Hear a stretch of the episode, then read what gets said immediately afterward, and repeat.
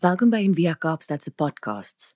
Vir meer inligting of om 'n bydrae te maak, gaan gerus na enviakaapstad.org. Uh, ek lees vir ons die skrif vandag uit Matteus 24. Ehm um, 'n lekker moeilike skrif. So sit saam en luister saam met my en dan pak ons dit bietjie later uit. En van daardie dag en uur dra niemand kennis nie, selfs nie die engele van die hemele nie en ook nie die seun nie net die Vader alleen. Want net soos in die dae van Noag, so sal die koms van die seun van die mens wees. Soos hulle immers in daardie dae voor die vloed besig was om te eet en te drink, om in die huwelik te tree en in die huwelik uit te gee, tot op die dag dat Noag die ark binne gegaan het. En hulle niks vermoed het totdat die vloed gekom en almal meegesleer het nie. So sal ook die koms van die seun van die mens wees. Dan sal daar twee op die land wees, een sal saamgeneem en die ander een agtergelaat word. Twee sal by die meele maal, een sal saamgeneem en die ander een agtergelaat word. Bly daarom waaksaam, omdat julle nie weet op watter dag julle Here kom nie. Dit moet julle weet. As die huiseienaar geweet het tydens watter nagwaak die dief kom, sou hy gewaak het en nie by sy huis laat inbreek nie. Het nie. Daarom moet julle gereed wees want die kom want die seun van die mens kom op 'n tyd wanneer jy dit nie verwag nie.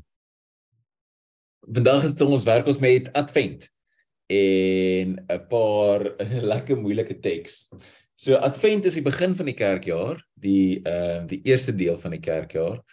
En dis altyd vir my so mooi elke jaar dan dink ek weer opnuut daaraan as ek so die Christen kerk begin voor die res van die wêreld.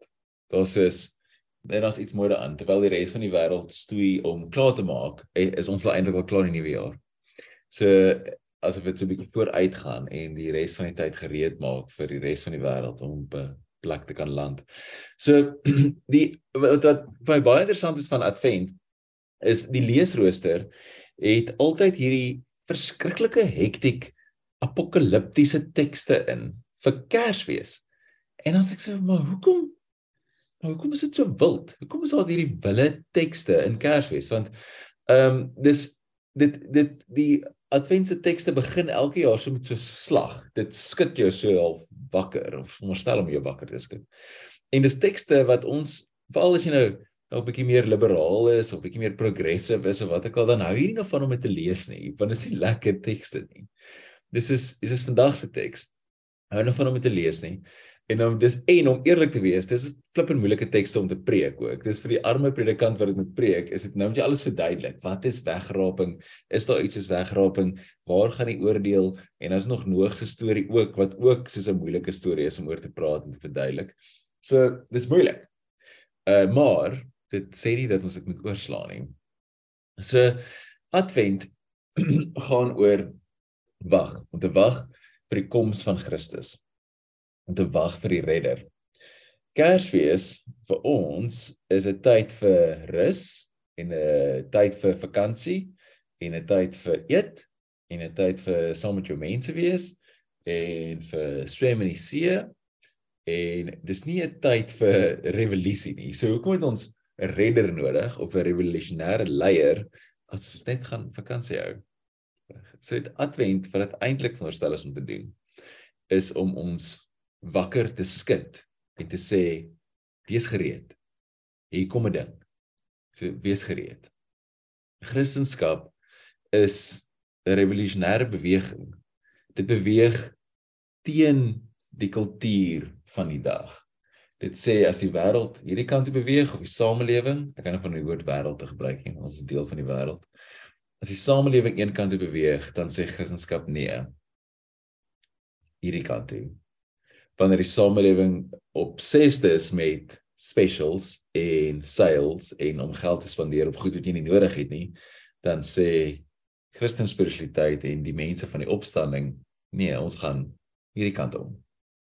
Wanneer die wêreld op sesde is en kyk na die real housewives van Pretoria, ek verstaan dit nog steeds, die real housewives van Pretoria word in super weelde bly terwyl ons in die mees ongelyke land in die wêreld is, dan sê mense van die opstanding nee. Ons gaan aan die kant om. wanneer ons in ons stad armoede saam met weelde saam sien, dan vra ons ander vrae eerder net as wanneer gaan ons hierdie mense hier uitkry? So ek ons praat 'n bietjie net oor die oor hierdie teks. Ehm um, soos ek gesê het, 'n moeilike teks, is 'n nagmerrie om vir 'n predikant om te preek en te verduidelik. Ehm uh, so gaan ons so 'n paar goeders uithaal, ons nie in diepte en diepte dit uitmekaar trek nie. Ehm uh, maar eintlik net oor die die die oor oorhoofse wat ek mens amper thrust van die teks en ek oor praat. So in hierdie teks Jesus verwys na homself, sy gunsteling titel vir homself, uh the son of man, die seun van die mens. Ehm um, dis 'n interessante vertaling want in Aramees die tek die die taal is bietjie vreemd. Is dit dit sal nader wees om te sê en die CEV contemporary English version vertaling vertaal dit so. Hulle sê hulle sê the human one. Die menslike een. Wat eintlik so mooi is. Jesus die menslike een, die menslike een. En iets wat ons op fokus tydens Advent, is ook Jesus se se menslikheid. So hierdie vandag se teks is 'n so gesê 'n apocalyptic teks en 'n apokaliptiese tekste gaan nie oor noodwendig dit wat gaan gebeur in die toekoms nie. Dis nie profesie, is nie selfs as 'n profesie of iets wat vorentoe gaan nie. Dit gaan oor om dit wat nou reeds gebeur te onthul, om te sê wat het wat nou aan die gang is in die wêreld, wat het dit te doen met die geestelike realiteit of die groter, dieper waarheid? Te sê dat hierdie twee goeie speel mekaar. En uh apokal apokaliptiese tekste plaas 'n fokus op eskatologie. So eskatologie is 'n groot woord. Vandag sien moeilike teks om te verduidelik.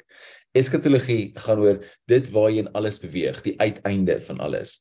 En hierdie tekste word baie keer geskryf in tye van krisis waar die kerk soos heavy onder druk was. Ehm um, soos byvoorbeeld Openbaring, die hele agtergrond van Openbaring is ook die vervolging van die kerk deur Rome, deur heel moontlik keiser Nero. Daar is die agtergrond van dit wat sê wat al hierdie goeders wat gebeur is eintlik die die simboliek en die geestelike waarheid daar agter is eintlik wat Openbaring sê maar is. En soos in hierdie ook is ook dit wys 'n groter 'n groter waarheid wat aan die gang is. So ehm um, Karl Barth, die groot uh, sistematiese teoloog, een van die beste teoloë, grootste teoloë in die 20ste eeu, het geskryf dat ons dat ons ons lewe tussen die tye. Ons lewe tussen God se skepping en die herskepping. En ons kyk terug na wat wat God gedoen het in die verlede en ons is verseker van God se teenwoordigheid in die hede en dan advent ons kyk vorentoe na dit wat God besig is om te bou en besig is om te doen.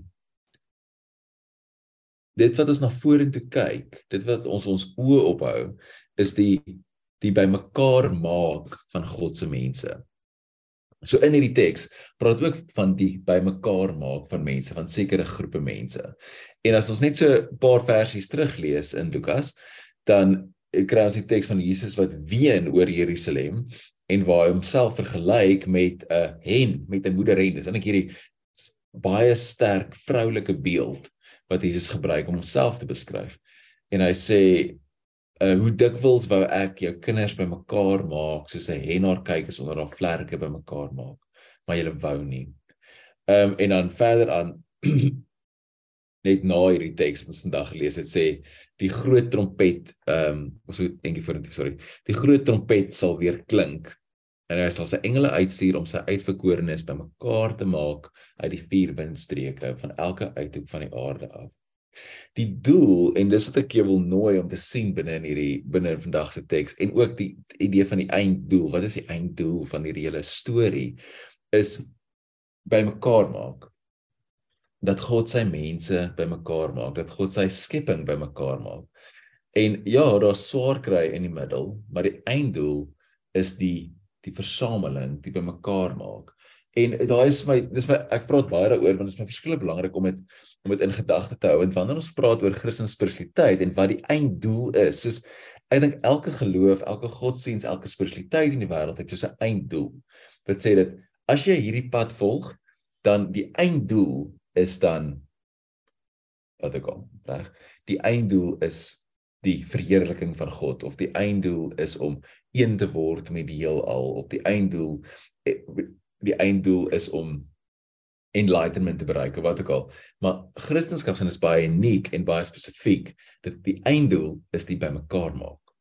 Die einddoel is attachment, nie detachment nie. Dis nie om te laat gaan nie, maar om saam te roep en saam te trek. Dis wat dit is. So die ehm um, in hierdie teks praat daar ook oor saamgeneem en agtergelaat en van die dis nou die dis 'n presisie teks wat mense as hulle praat oor die wegraping. As jy onthou, soos ek in die 90's groot geword het, dan jy daai left behind stories gekyk wat almal so flippend bang gemaak het, wat so hektiek was. Ehm uh, maar hierdie teks is baie baie tricky. Dis nie so eenvoudig nie. Want ook as jy mooi lees, dit sê nie wat se een is goed en wat se een sleg nie. Dit maak dit 'n statement. Dit sê van die mense het een het gewerk in die veld, al twee gewerk in die veld en die een is saamgeneem en die ander is agtergelaat. Een is weggevat en die ander een is daar gelos. Maar dit sê nie wat se een is goed en wat se een is sleg nie. Ons maak 'n aanname. So wat ook wat vrek interessant is, is daai woorde kan ook vertaal word die saamgeneem die gevat ene is dieselfde woord as om iemand gevange te neem om hulle te capture en in die tronk te sit. En die agtergelaat die die los ene is ook dieselfde as om te vergewe. Terwyl jy sê ek maar wag 'n bietjie. Wat is wat gaan eintlik aan? Die een wat agtergelaat word kan die een wees wat moet voorberei vir die groot bymekaar maak hè?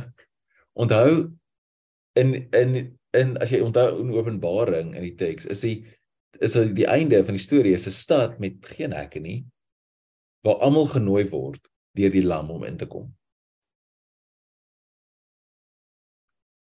Interessant. Ek gaan daai net so daar los vir jou.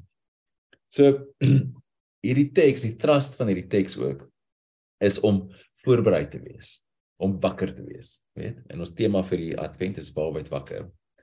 Ons spandeer biljoene rande en dollars in die wêreld om nie onkant betrap te word nie.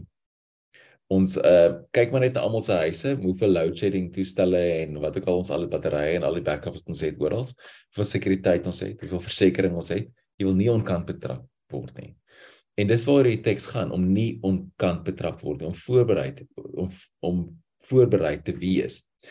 Um, dis 'n oproep om regverdig te leef, om die revolusionêre manier te leef, om op 'n ander manier te leef as wat die res van die samelewing doen. Om liefde wees vir God en liefde wees vir ander, die hoogste doel, liefde wees vir God, liefde wees vir ander. En in die verhaal dan Jesus gebruik twee voorbeelde. Hy gebruik Noag wat ook 'n vrek moeilike storie is om te vertel, want almal is sê maar wat van dit was genocide en dis 'n verskriklike storie en hoe werk dit? Ook 'n moeilike storie. Maar hy gebruik een spesifieke aspek daarvan. Noag is in kontras met die res van die samelewing. Hulle gaan aan met hulle lewens. In die teks sê dit ook Jesus sê hulle het geëet en gedrink en getrou en weet jy al die lewens geleef. En die res van die wêreld gaan aan met hulle lewens en Noag bou 'n boot. So hy leef anders.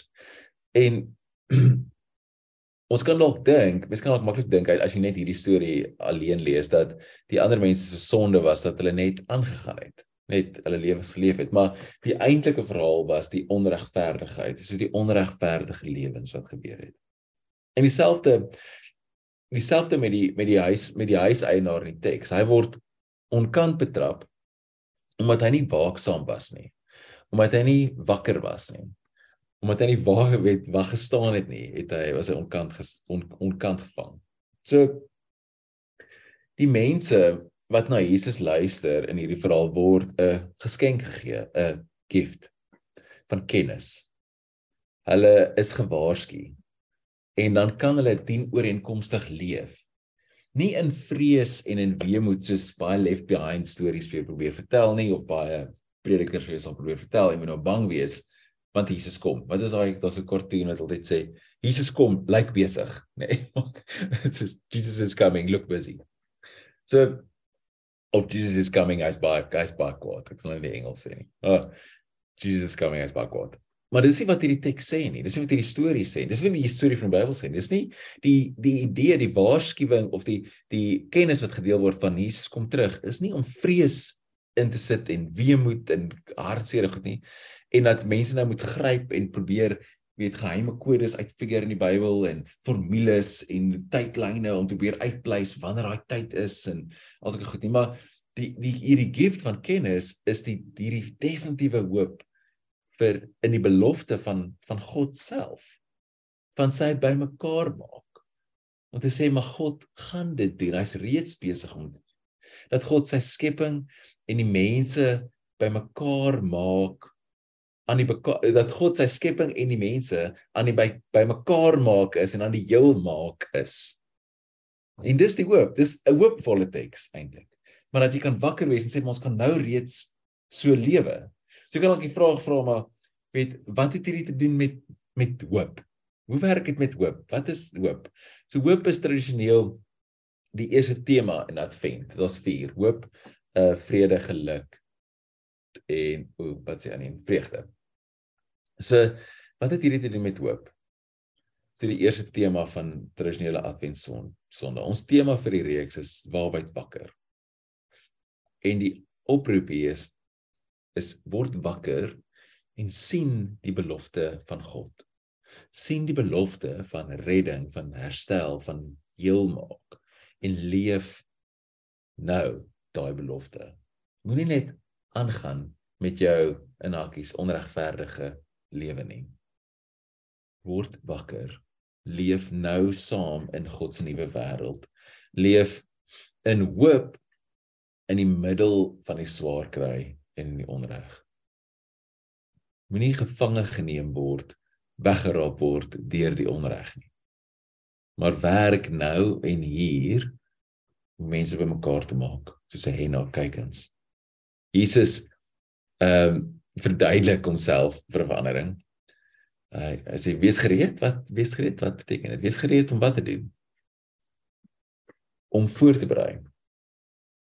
Die voorbereidings wat ons moet maak is vir compassion en genade en verwelkoming vir die wat redding en heelmaking nodig het. Ons moet voorberei vir die toekoms. Kersse aansteek in die donker. En nie ingee tot die donker wat die wêreld wil terugtrek in chaos in nie. Maar ons ken nie die details van die toekoms nie. En ons weet nie eens en ek hoe donker dit dalk nog mag word nie. Maar wat ons wel weet is dat ons 'n enkele kers kan die donker verdryf. Lig verdryf altyd die donker. Hoop gaan daaroor om te wag en te verwag een van die Hebreëse woorde vir hoop, daar's so vier verskillendes. Een van die woorde uh kava, dink ek reg uitspreek kava, kwabala. Is een van die woorde vir hoop en dit beteken ook tou. As jy onthou die storie is dit is ons classic van ons storie van die verspieders wat in die land ingegaan het en toe het ehm um, Ragab die tou by haar venster uitgelaat gaan dat hulle daar kan opklim. En daai woord is dieselfde woord vir hoop. Dit maak hy storie eintlik so mooi dat die tou is die hoop. En tou is eh, eh, in die in die teks is die dis hierdie spanning. Dis iets wat die tou wat vasgemaak is in die toekoms wat jy jouself mee kan vorentoe trek. Hoop is verskriklik belangrik vir mense om te kan oorleef. Om hopeloos te leef is verskriklik. En dit is 'n groot deel van wat God vir ons gee is hoop. Bybelse hoop is gefokus op God self. Hier en nou in die stil in die gemors van die menslike toestand. Hoop wat inbreek in die donker. God se getrouheid in die verlede is dit wat ons ons hoop opbou vir die toekoms. Dis ons tou in die toekoms.